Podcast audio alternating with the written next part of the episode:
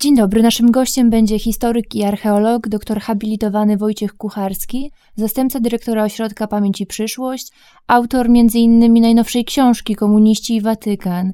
Odpowie dzisiaj na pytania dotyczące kościoła we Wrocławiu w latach powojennych. Dzień dobry Państwu. Wydaje się, że najważniejszymi problemami kościoła we Wrocławiu po 1945 roku były problemy organizacyjne.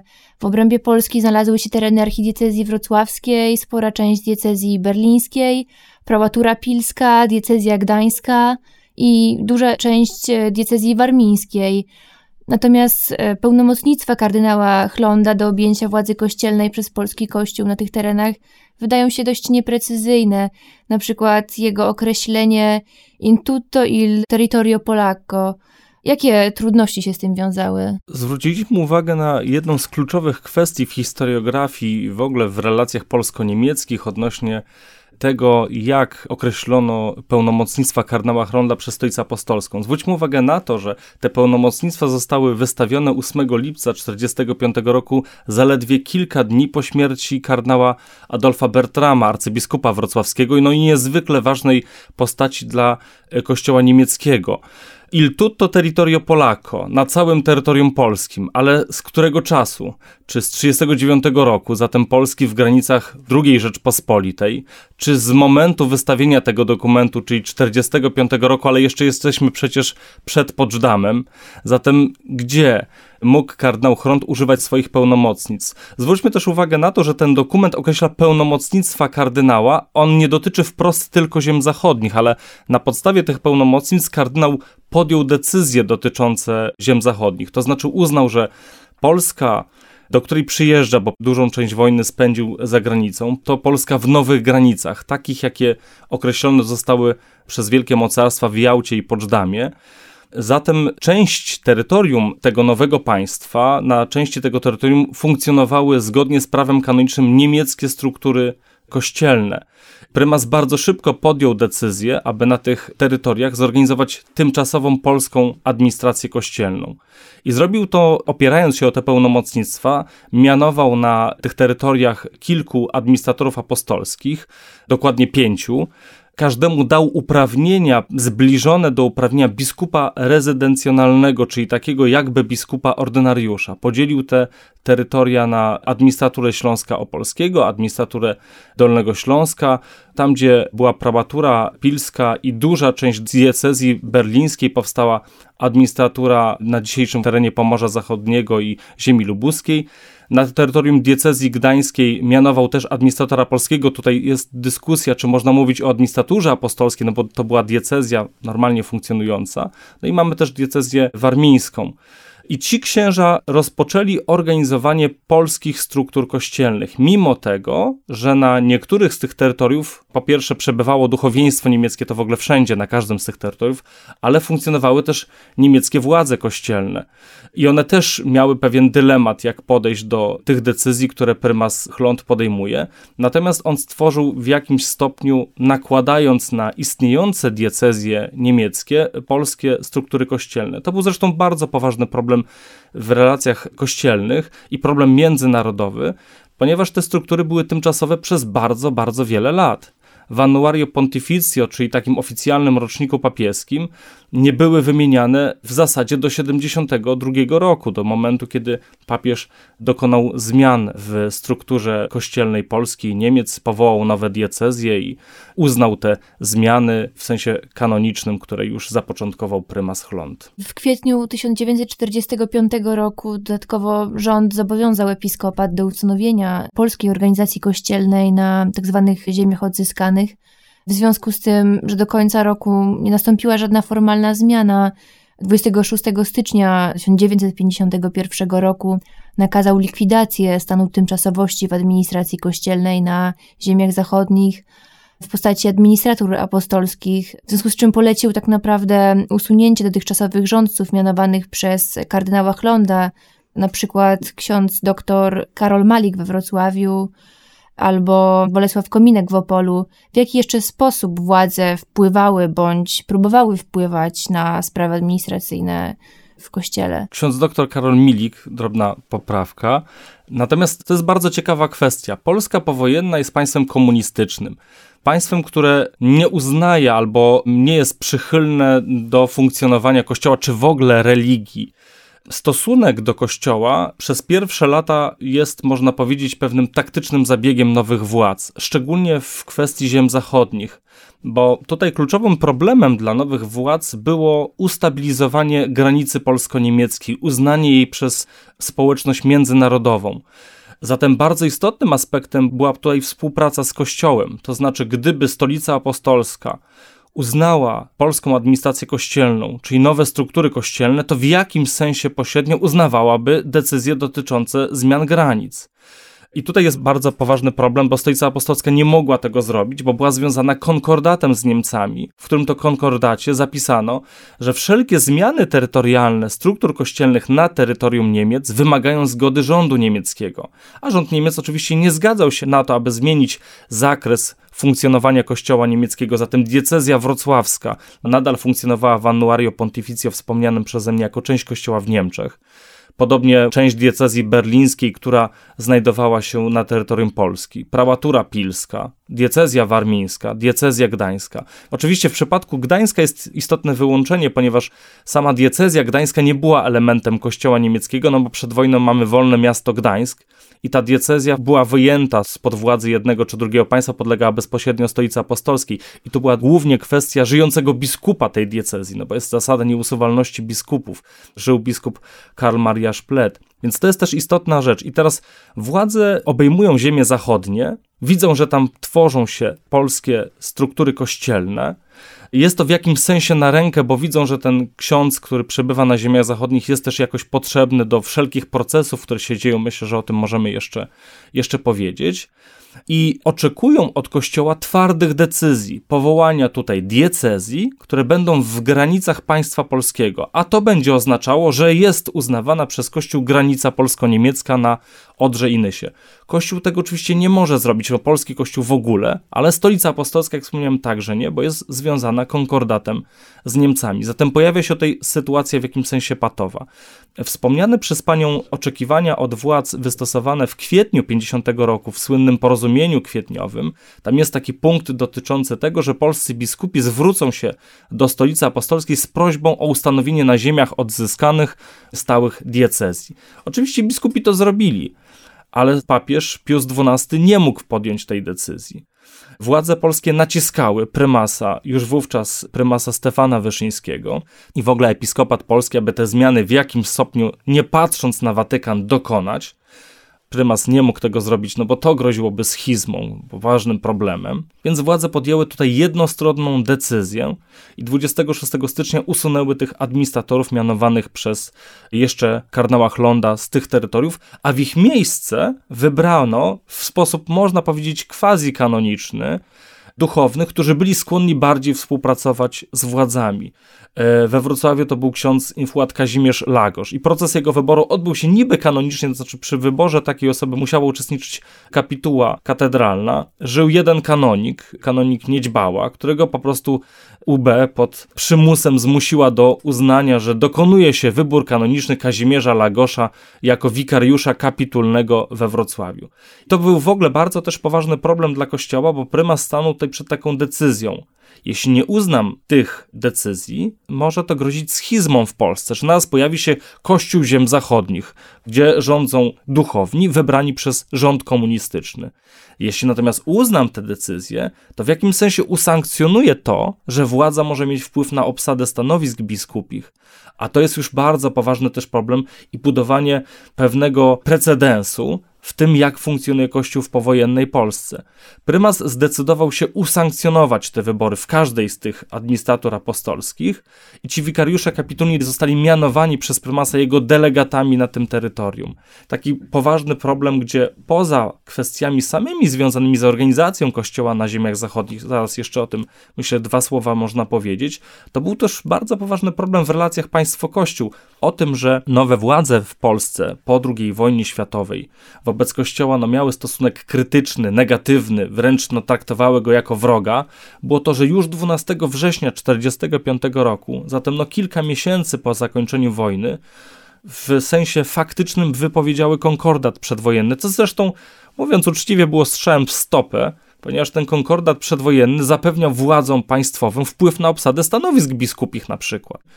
Wypowiadając ten konkordat, odebrano sobie to istotne narzędzie w relacjach państwo-kościół. Posłuchajmy teraz polskiej kroniki filmowej dotyczącą tego, jak postrzegano wtedy relacje państwo-kościół, jak przedstawiały to władze. W całym kraju odbywają się wiece poświęcone deklaracji rządowej w sprawie unormowania stosunków między państwem a kościołem. Jesteśmy na zebraniu w Teatrze Polskim w Warszawie. Znakomity aktor Aleksander Zelwerowicz powiedział Państwo zapewnia każdemu obywatelowi pełną swobodę wiary i praktyk religijnych. Nie można jednak tolerować wrogich wystąpień rozpolitykowanej części kleru. Wieś również żywo zareagowała na oświadczenie rządu. Oto smolniki w powiecie wieluńskim. Przed rozplakatowanym tekstem licznie gromadzą się chłopi. Samorzutnie zorganizował się wiec, na którym zebrani uchwalili rezolucję solidaryzującą się z oświadczeniem rządu. Społeczeństwo polskie w większości swej katolickie uznało słuszność stanowiska rządu i całkowicie je popiera. Mówimy o roku 50, o tym porozumieniu z kwietnia, później 51. To jest już czas, kiedy w Polsce w zasadzie nie ma żadnej opozycji, gdzie podziemie niepodległościowe poakowskie jest w dużym stopniu rozbite. PSL nie istnieje, nie ma opozycji legalnej, politycznej. Jedynie Kościół rzymskokatolicki jest jedyną instytucją niezależną od państwa, w której jest jakaś przestrzeń wolności, jest głównym dla państwa zagrożeniem. Przez wiele lat, aż do powstania opozycji demokratycznej w latach 70. i później rozwinięcia jej w ruchu Solidarność, to właśnie Kościół rzymskokatolicki taką w jakimś stopniu rolę wypełnia. I teraz, gdy zadajemy sobie pytanie, jakie problemy administracyjne, organizacyjne miał Kościół, no to jest ich mnóstwo. I one oczywiście też dotyczyły, czy są bardzo bliskie tym wszystkim kwestiom, które po prostu mieli mieszkańcy na ziemiach zachodnich. Czyli to jest po pierwsze kwestia odbudowy. Duża część majątków kościelnych, duża część kościołów, infrastruktury była zniszczona. Należało ją odbudować. Po drugie, Kościół rzymskokatolicki polski wyszedł z II wojny światowej no, bardzo uszczerbiony pod względem osobowym. Jedna czwarta episkopatu zginęła. Ponad dwa tysiące księży zostało zamordowanych. Zatem skąd brać tych księży, którzy mają obejmować te parafie, quasi-diecezję, prawda, czy właśnie tymczasową organizację kościelną na ziemiach zachodnich. Oczywiście utraciła Polska kresy wschodnie, więc to jest jeden rezerwuar duchownych, którzy mogliby przybyć na ziemię zachodnie. To jest też istotny brak kapłanów do obsługi duszpasterskiej ludzi, którzy przybywają na te tereny. Wyobraźmy też oczywiście sobie, no musimy o tym pamiętać, że tuż po II wojnie światowej mamy gigantyczne ruchy ludnościowe. Niemcy z tych ziem wyjeżdżają, Polacy na te ziemię przyjeżdżają, szukają swojego miejsca. Z tymi Polakami przyjeżdżają też kapłani, to jest coś niezwykle istotnego. Posłuchajmy teraz nagrania polskiej kroniki filmowej dotyczącej problemów w powojennym Wrocławiu, w tym dotyczących odbudowy katedry. Mijają cztery lata od chwili, gdy esesowska zaloga Wrocławia skapitulowała przed wojskami radzieckimi. Pożary wskazywały pierwszym Polakom drogę do miasta Gruzów. Jakże inaczej wygląda Wrocław dzisiaj. Odbudowano wiele gmachów, urzędów i zakładów naukowych. Setki domów mieszkalnych oddano do użytku robotnikom. Zabytkowe kościoły wracają do dawnej świetności.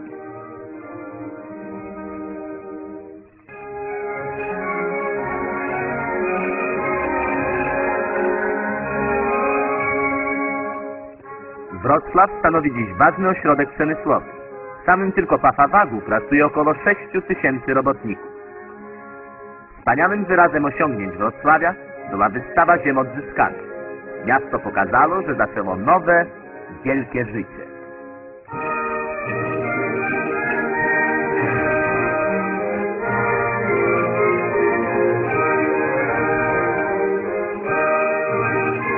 Można jednak zapominać, jak wiele jeszcze jest do zrobienia, by zatrzeć wszystkie ślady wojny. Entuzjazm i pracowitość mieszkańców pomoże w całkowitej odbudowie stolicy ziem zachodnich.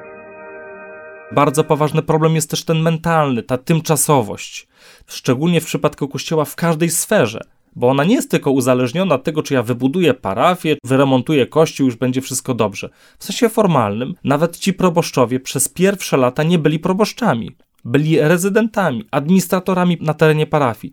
Dopiero na początku lat 50. prymas Stefan Wyszyński zastosował taki, można powiedzieć, wybieg kanoniczny, to znaczy zgodnie z prawem kanonicznym z 1917 roku, tam jest taki zapis, że jeżeli proboszcz parafii przebywa długoterminowo poza terytorium parafii, to można uznać, że to beneficjum parafialne, czyli możliwość sprawowania władzy i czerpania dochodów z tego miejsca, jest nieobsadzone. I na początku lat 50. prymas Wyszyński wydał taki dekret, który pozwalał administratorom apostolskim stwierdzić tego typu stan. Jeżeli na terenie danej parafii proboszcza Niemca nie ma od wielu lat, można uznać, że jest wakat. Zatem ogłosić konkurs proboszczowski, wybrać polskiego proboszcza. Tak można było zrobić na poziomie parafii, ale już nie na poziomie diecezji księża zarządzający tymi diecezjami przez pierwsze lata nie byli nawet biskupami, nie byli wyświęconymi biskupami. Na Opolszczyźnie, na ziemi lubuskiej, na Pomorzu Zachodnim nie było formalnie diecezji powołanych. No, mamy diecezję, archidiecezję wrocławską, która jest bardzo rozległa oczywiście. Mamy diecezję warmińską, ale na pozostałych terytorium takiej formalnej struktury nie było. To jest też poważny problem. Usunięcie tych administratorów apostolskich w 1951 roku zaskutkowało także istotną konsekwencją, to znaczy prymas musiał pojechać do stolicy apostolskiej i rozmówić się w tej kwestii z Piusem XII który usankcjonował jego decyzję, a jednocześnie, i tutaj jest pewna zagadka, są na szczęście od y, pół roku otwarte archiwa watykańskie z czasów pontyfikatu Piusa XII i będzie można to rozstrzygnąć, ale my do końca tego tak naprawdę nie wiemy, co wówczas ustalili obaj duchowni. To znaczy, przypuszczalnie było tak, że prymas poprosił papieża, aby tych usuniętych administratorów apostolskich, a przynajmniej kilku z nich, mianować biskupami. I wiemy, że, czy przypuszczamy, że trójka z nich właśnie została mianowana biskupami. Był to m.in. ksiądz Bolesław Kominek, który był administratorem apostolskim na Opolszczyźnie, ksiądz Teodor Bensz, który zarządzał wówczas diecezją warmińską i był ksiądz Edmund Nowik, który zarządzał właśnie tym całym terytorium na ziemi lubuskiej i Pomorzu Zachodnim. Pozostali dwaj administratorzy, Karol Milik i Andrzej Wronka, nie zostali wówczas mianowani biskupami. Zresztą Karol Milik nigdy nie został tym biskupem, a Andrzej Wronka pod koniec lat 50. został biskupem i był biskupem pomocniczym we Wrocławiu. Więc tutaj pojawiła się taka sytuacja, że umówili się obaj duchowni i powiedzieli, jeśli będzie to możliwe, to ci prawowierni, właśnie dzisiaj mianowani biskupi, wrócą na te ziemię zachodnie i obejmą. I już na przykład Bolesław Kominek, który był administratorem w Opolu, był przeznaczony na Wrocław. Miał objąć terytorium administratury apostolskiej Dolnego Śląska. Wspomniany został już ksiądz dr Karol Milik. Jak wyglądała jego aktywność w pierwszych powojennych latach we Wrocławiu? Jakich duchownych możemy wyróżnić jako głównych organizatorów polskiego życia religijnego po wojnie? Jakie były inicjatywy, które oni podejmowali? Ksiądz Karol Milik musiał wszystko zorganizować od początku już w latach 50., chyba na początku lat 50., zaczął pisać chyba post factum jednak dziennik. My mamy ten dziennik, który obejmuje już od 45 roku zapiski aż do chyba nawet lat 70., natomiast te zapiski z lat 40. wydają się, że powstały na podstawie notatek, albo może po prostu są prowadzonym wówczas dziennikiem.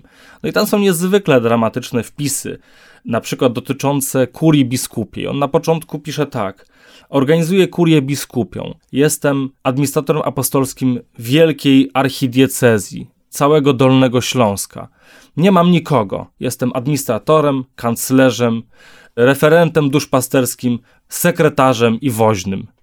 Nie było po prostu personelu, który łatwo mógł zagospodarować. To się z czasem zmienia, ale ten początek pionierski jest niezwykle trudny. On funkcjonuje w jakimś prowizorycznym mieszkaniu, gdzie przez okno przyjmuje petentów. Przed nim jest bardzo, bardzo wiele wyznań. Po pierwsze, strukturalnych, to znaczy jak ułożyć strukturę tego kościoła, którym zarządza, podział na dekanaty, podział na parafie. Po drugie, ściągnięcie księży. Oczywiście część z nich tutaj przyjeżdża, przyjeżdża ze swoimi parafianami, szczególnie kresowiacy przyjeżdżają, ale bardzo wiele parafii jest nieobsadzonych. To jest bardzo poważny problem. Jak z nim sobie poradzić? Trzeba szybko powołać seminarium.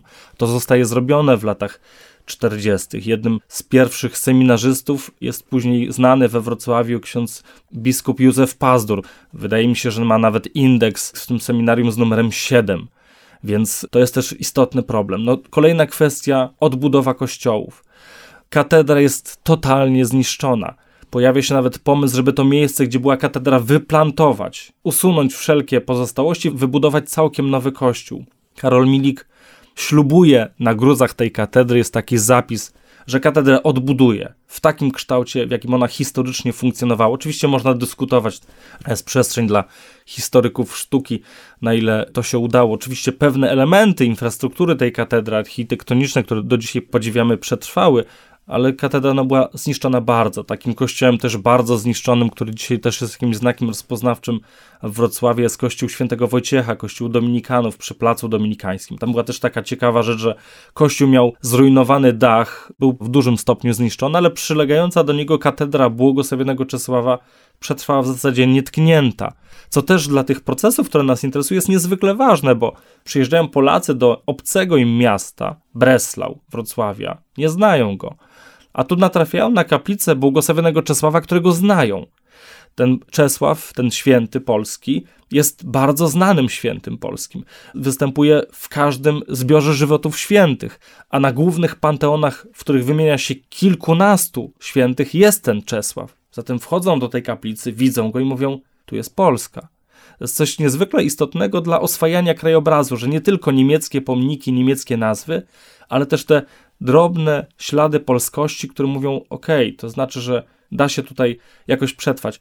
Więc to jest też kwestia związana z odbudową. Kolejna kwestia. Na całym tym terytorium, w sensie statystycznym, ale na terenie Dolnego Śląska jak najbardziej też, mamy proces rekatolizacji. To były tereny, które, jeśli policzymy właśnie, mówię, statystycznie, w dwóch trzecich były zamieszkałe przed wojną przez ludność protestancką.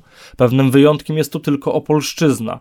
Pozostałe tereny dominujący są protestanci. Katolicy stanowili jedynie jedną trzecią ludności tych terytoriów przed wojną. Zatem następuje proces rekatolizacji, wielkiej zmiany konfesyjnej, religijnej. Dla Milika wiąże się to z tym, że obejmuje we władanie kościoły poprotestanckie, majątek poprotestancki. Tu rodzą się kolejne konflikty. Oczywiście duża część z tych protestantów wyjeżdża, ale przyjeżdżają polscy protestanci w znacznie mniejszej liczbie, ale przyjeżdżają.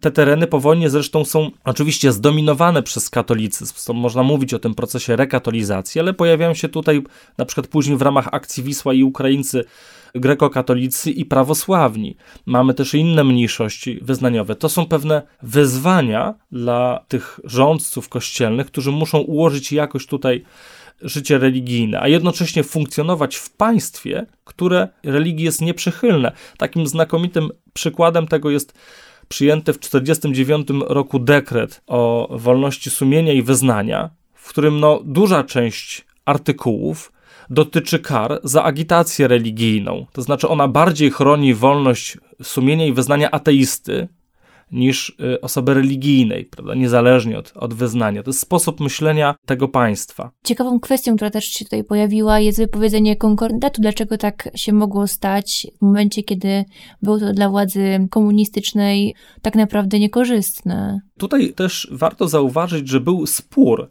wśród samych komunistów. Udaje nam się odnaleźć materiały na temat tego sporu w dokumentach Ministerstwa Spraw Zagranicznych i Ministerstwa Sprawiedliwości. One stały po dwóch, można powiedzieć, przeciwnych stronach barykady w tym sporze takim ideowym i pragmatycznym. W MSZ byli pragmatycy. Powiedzieli, my nie wypowiadajmy tego konkordatu. On oczywiście ma znaczenie wewnętrzne do organizacji życia religijnego, ale ma także znaczenie międzynarodowe. Jest swego rodzaju tego typu umową, bardziej skomplikowaną. Jeśli będziemy mieli zachowane stosunki ze Stolicą Apostolską, znacznie łatwiej uzyskać dwie kwestie. Po pierwsze, akceptację legalności naszych władz a Stolica Apostolska uznawała, że legalne są władze w Londynie, co było też niezwykle istotne. Czyli naraz jest państwo na świecie, takie jak Stolica Apostolska, ważne, malutkie, ale niezwykle ważne, które mówi, władze w Polsce nie są legalne. Na terytorium Stolicy Apostolskiej przebywał ambasador Kazimierz Papé, który był ambasadorem rządu londyńskiego. Nie było ambasadora rządu warszawskiego. Więc niezerwanie tego konkordatu dawałoby znacznie łatwiejsze możliwości negocjowania, rozmów ze Stolicą Apostolską, powiedzenie, no przepraszam, jesteście zainteresowani, aby funkcjonował Kościół w Polsce, to przyjmijcie naszego ambasadora, uznajcie nasz rząd, dogadamy się. Zerwanie konkordatu trochę zamykało tę przestrzeń myślenia i działalności. A druga istotna kwestia granica. Zerwanie konkordatu utrudniło znacznie bardziej rozmowy na poziomie rządowym ze Stolicą Apostolską, aby uznała Stolica Apostolska granicę na Odrzejnysie. No, nie, nie przez akt nawet uznania granicy, choć to byłoby bardzo pożądane, ale chociażby przez akt dostosowania struktur kościelnych na terytorium nowego państwa polskiego do właśnie nowej granicy, czyli zmiany w strukturze polskiego i niemieckiego kościoła by tutaj musiały nastąpić. Władze natomiast dlaczego podjęły tą decyzję? Podjęły tę decyzję ze względów stricte ideologicznych, to znaczy widziały w kościele wroga i chciały odebrać pewną legalność w sporze z kościołem, która była w konkordacie zapisana. Prawnicy zresztą wyraźnie wskazują, że ponieważ konkordat był wymieniony w konstytucji marcowej, był wpisany w polski porządek prawny na poziomie konstytucyjnym, zatem wypowiedzenie konkordatu powodowało olbrzymią lukę taką w sensie prawnym w funkcjonowaniu powojennej Polski, bo też powojenna Polska w sensie konstytucyjnym do konstytucji z 52 roku odwoływała się do konstytucji marcowej, prawda, uznała, że konstytucja kwietniowa jest nieważna. Więc to jest też istotny aspekt. I teraz mamy kilka takich bardzo dobrych przykładów wypowiedzenia tego konkordatu. Taka wówczas, no, znana trochę postać, ale, ale, ale chyba jeszcze nie na, z pierwszego szeregu, taki profesor z Kulu, niejaki Stefan Wyszyński, zostaje mianowany biskupem lubelskim. Zgodnie z konkordatem, Stolica Apostolska wysyła zapytanie, czy nie mają polskie władze nic przeciwko temu, ale nie do Warszawy, tylko do Londynu. Co wyraźnie komunikuje światu. W Warszawie są jacyś ludzie, ale legalne polskie władze są w Londynie. I oczywiście jest tak, że większość świata międzynarodowego już w 1945 roku uznaje władze w Warszawie za legalne ale to, że jest taka stolica apostolska, która ma ambasadora Papego, która komunikuje się z rządem w Londynie, no jest jakimś wyrzutem sumienia opinii międzynarodowej. No popatrzcie, to chyba nie do końca tak jest. W 1951 roku w kwestiach organizacyjnych i nie tylko nasilił się konflikt na linii państwo-kościół. Prymas Wyszyński otrzymał jednak zezwolenie na wyjazd do Rzymu i po przedstawieniu Piusowi XII sytuacji uzyskał nominację z kwietnia 1951 roku biskupów, jeszcze nie jako pełnoprawnych biskupów diecezjalnych. Rząd nie zezwolił na ogłoszenie tych nominacji. Stało się to dopiero pięć lat później.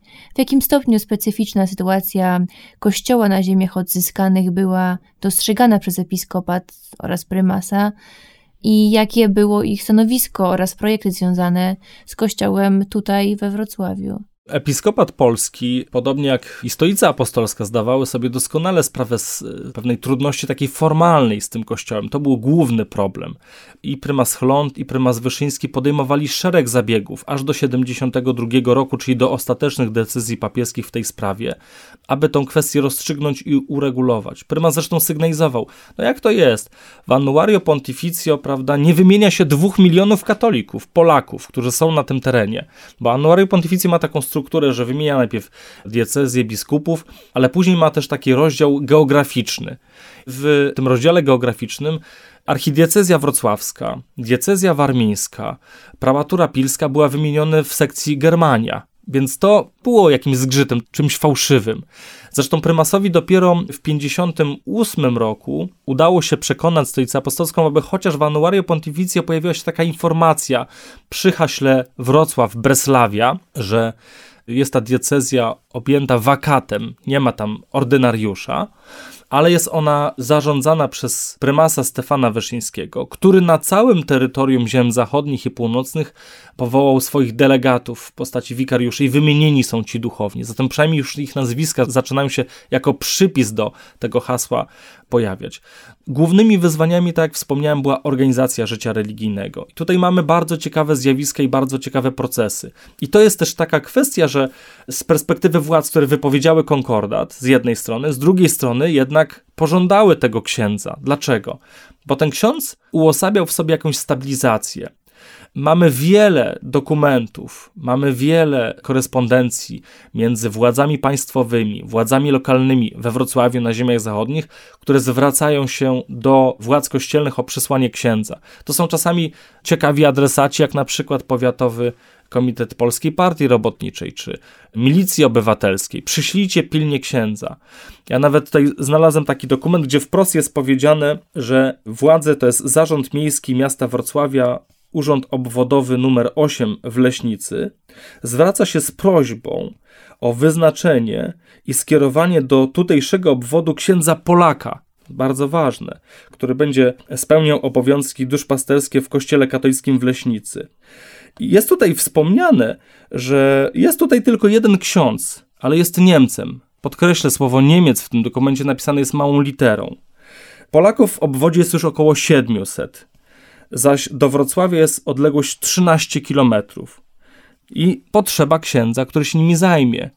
Mamy też takie sytuacje, że bardzo wielu mieszkańców, szczególnie z Kresów Wschodnich, przemieszcza się całymi wioskami, całymi parafiami. I też jedzie z nimi ksiądz, który razem z nimi osiedla się w danym miejscu. To zapewnia poczucie bezpieczeństwa. Dla tych ludzi zresztą poczucie bezpieczeństwa Kościół dawał także w takich sferach ściśle symbolicznych. Na ziemiach zachodnich, szczególnie na Dolnym Śląsku i Opolszczyźnie, mamy mnóstwo tak zwanych madon kresowych, obrazów maryjnych przewiezionych z kresów, które cieszyły się tam na kresach kultem. Skąd one się tu wzięły? No właśnie z tych ludzi to było coś niezwykle istotnego. Jest na przykład taka świetna relacja księdza Franciszka Rozwoda, do niedawna najstarszego księdza w archidiecezji wrocławskiej, ale zmarł chyba w wieku 100 lat albo 101 lat który opisuje, spakowałem dwa kościoły i przywiozłem do y, Lądka czy Stronia Śląskiego, nie pamiętam teraz dokładnie. I tam zaczęliśmy funkcjonować. Nawet w tych pierwszych latach on wszedł do miejskiej czy powiatowej Rady Narodowej, ten ksiądz, prawda? Więc te relacje były na poziomie takim lokalnym znacznie bardziej skomplikowane. No, druga kwestia, na tym terenie byli Niemcy. Niemcy w sensie ludności, ale Niemcy w sensie duchowieństwa. Więc dla części z tych Niemców było oczywiste, że oni wyjadą, bo pojawiają się nowi wierni i nic z tym zrobić nie mogą, nie będą w stanie ich obsługiwać, bo chociażby nie znają języka polskiego. Ale było też bardzo wielu duchownych niemieckich, którzy znały język polski. Stawało przed pewnym dylematem czy zostać tutaj, wypełniać posługę duszpasterską, mało tego, nawet współpracować z tym księdzem Milikiem, czyli w jakim sensie wypełnić te luki osobowe, kadrowe, które tutaj się pojawiają, czy jednak wyjechać ze swoimi. Tutaj też kwestia była taka, że nie tylko zostanę wyjadę, ale zostanę nawet z pobudek patriotycznych niemieckich, bo może te zmiany nie są ostateczne i za 2-3 lata wszystko się odwróci i trzeba będzie wracać, więc lepiej zostać, pilnować tej parafii. A poza tym ściśle pragmatyka. Ten ksiądz tutaj miał parafię, miał plebanie, miał konia, miał krowę, miał infrastrukturę, gospodarstwo, miał gosposie, żył, a tam jechał w nieznane. Nie mamy jeszcze podziału Niemiec na wschodnie i zachodnie w tym czasie, ale wyjeżdżając do zachodnich stref okupacyjnych, że tam czekała na niego parafia. Nie czekała. To był też w tym sensie bardzo poważny problem. Ci księża, którzy organizowali życie administracyjne na tym terenie, zatem mieli też bardzo istotne problemy takie etniczne, narodowościowe, ułożenia relacji między Polakami i Niemcami, ale też bardzo istotne problemy w ułożeniu relacji między samymi Polakami. Dlaczego? Na przykład na Opolszczyźnie ksiądz Kominek miał takie sytuacje. Tam było bardzo wielu autochtonów, Ślązaków, ale dla przyjezdnych kresowiaków to byli Niemcy, nie Polacy. Poza tym nie tylko przyjeżdżali kresowiacy. Jeśli zobaczymy skąd ci ludzie przybywają, zewsząd, z Wielkopolski, widzieli pewne szanse na Dolnym Śląsku. Zniszczona była Warszawa, bardzo wielu warszawiaków przyjechało do Wrocławia. Mamy kresowiaków, ale mamy też emigrantów, którzy wracają z Francji, z Jugosławii zrobienie z tych ludzi jednej społeczności, danie im poczucie bezpieczeństwa, no było gigantycznym wyzwaniem. Kościół w jakimś sensie odegrał tutaj istotną rolę też dlaczego? Bo jest czymś powtarzalnym, spójnym. Liturgia jest wszędzie taka sama. Język, pieśni już są inne. Ten obraz maryjny może być czymś innym, czymś swojskim, czymś naszym, ale Kościół funkcjonuje jako pewne uniwersum, jest powtarzalny, Wszędzie jesteśmy w stanie odnaleźć te same symbole, czyli poczuć się jak u siebie. Ten ksiądz w tym sensie był istotnym takim gwarantem, to jest Polska. Będzie bezpiecznie. Możecie rozpakować te kufry i walizki i zacząć żyć. Mówimy tutaj o próbie stworzenia stabilizacji, a z drugiej strony Niemiec bywa pisany małą literą. Zatem jak wyglądała ta koegzystencja w ramach tego tygla jeszcze narodowościowego? Czy dochodziło do konfliktów? Oczywiście dochodziło do konfliktów i ten problem w sensie religijnym kościelnym relacji polsko-niemieckich, myślę, że też do dzisiaj on gdzieś funkcjonuje.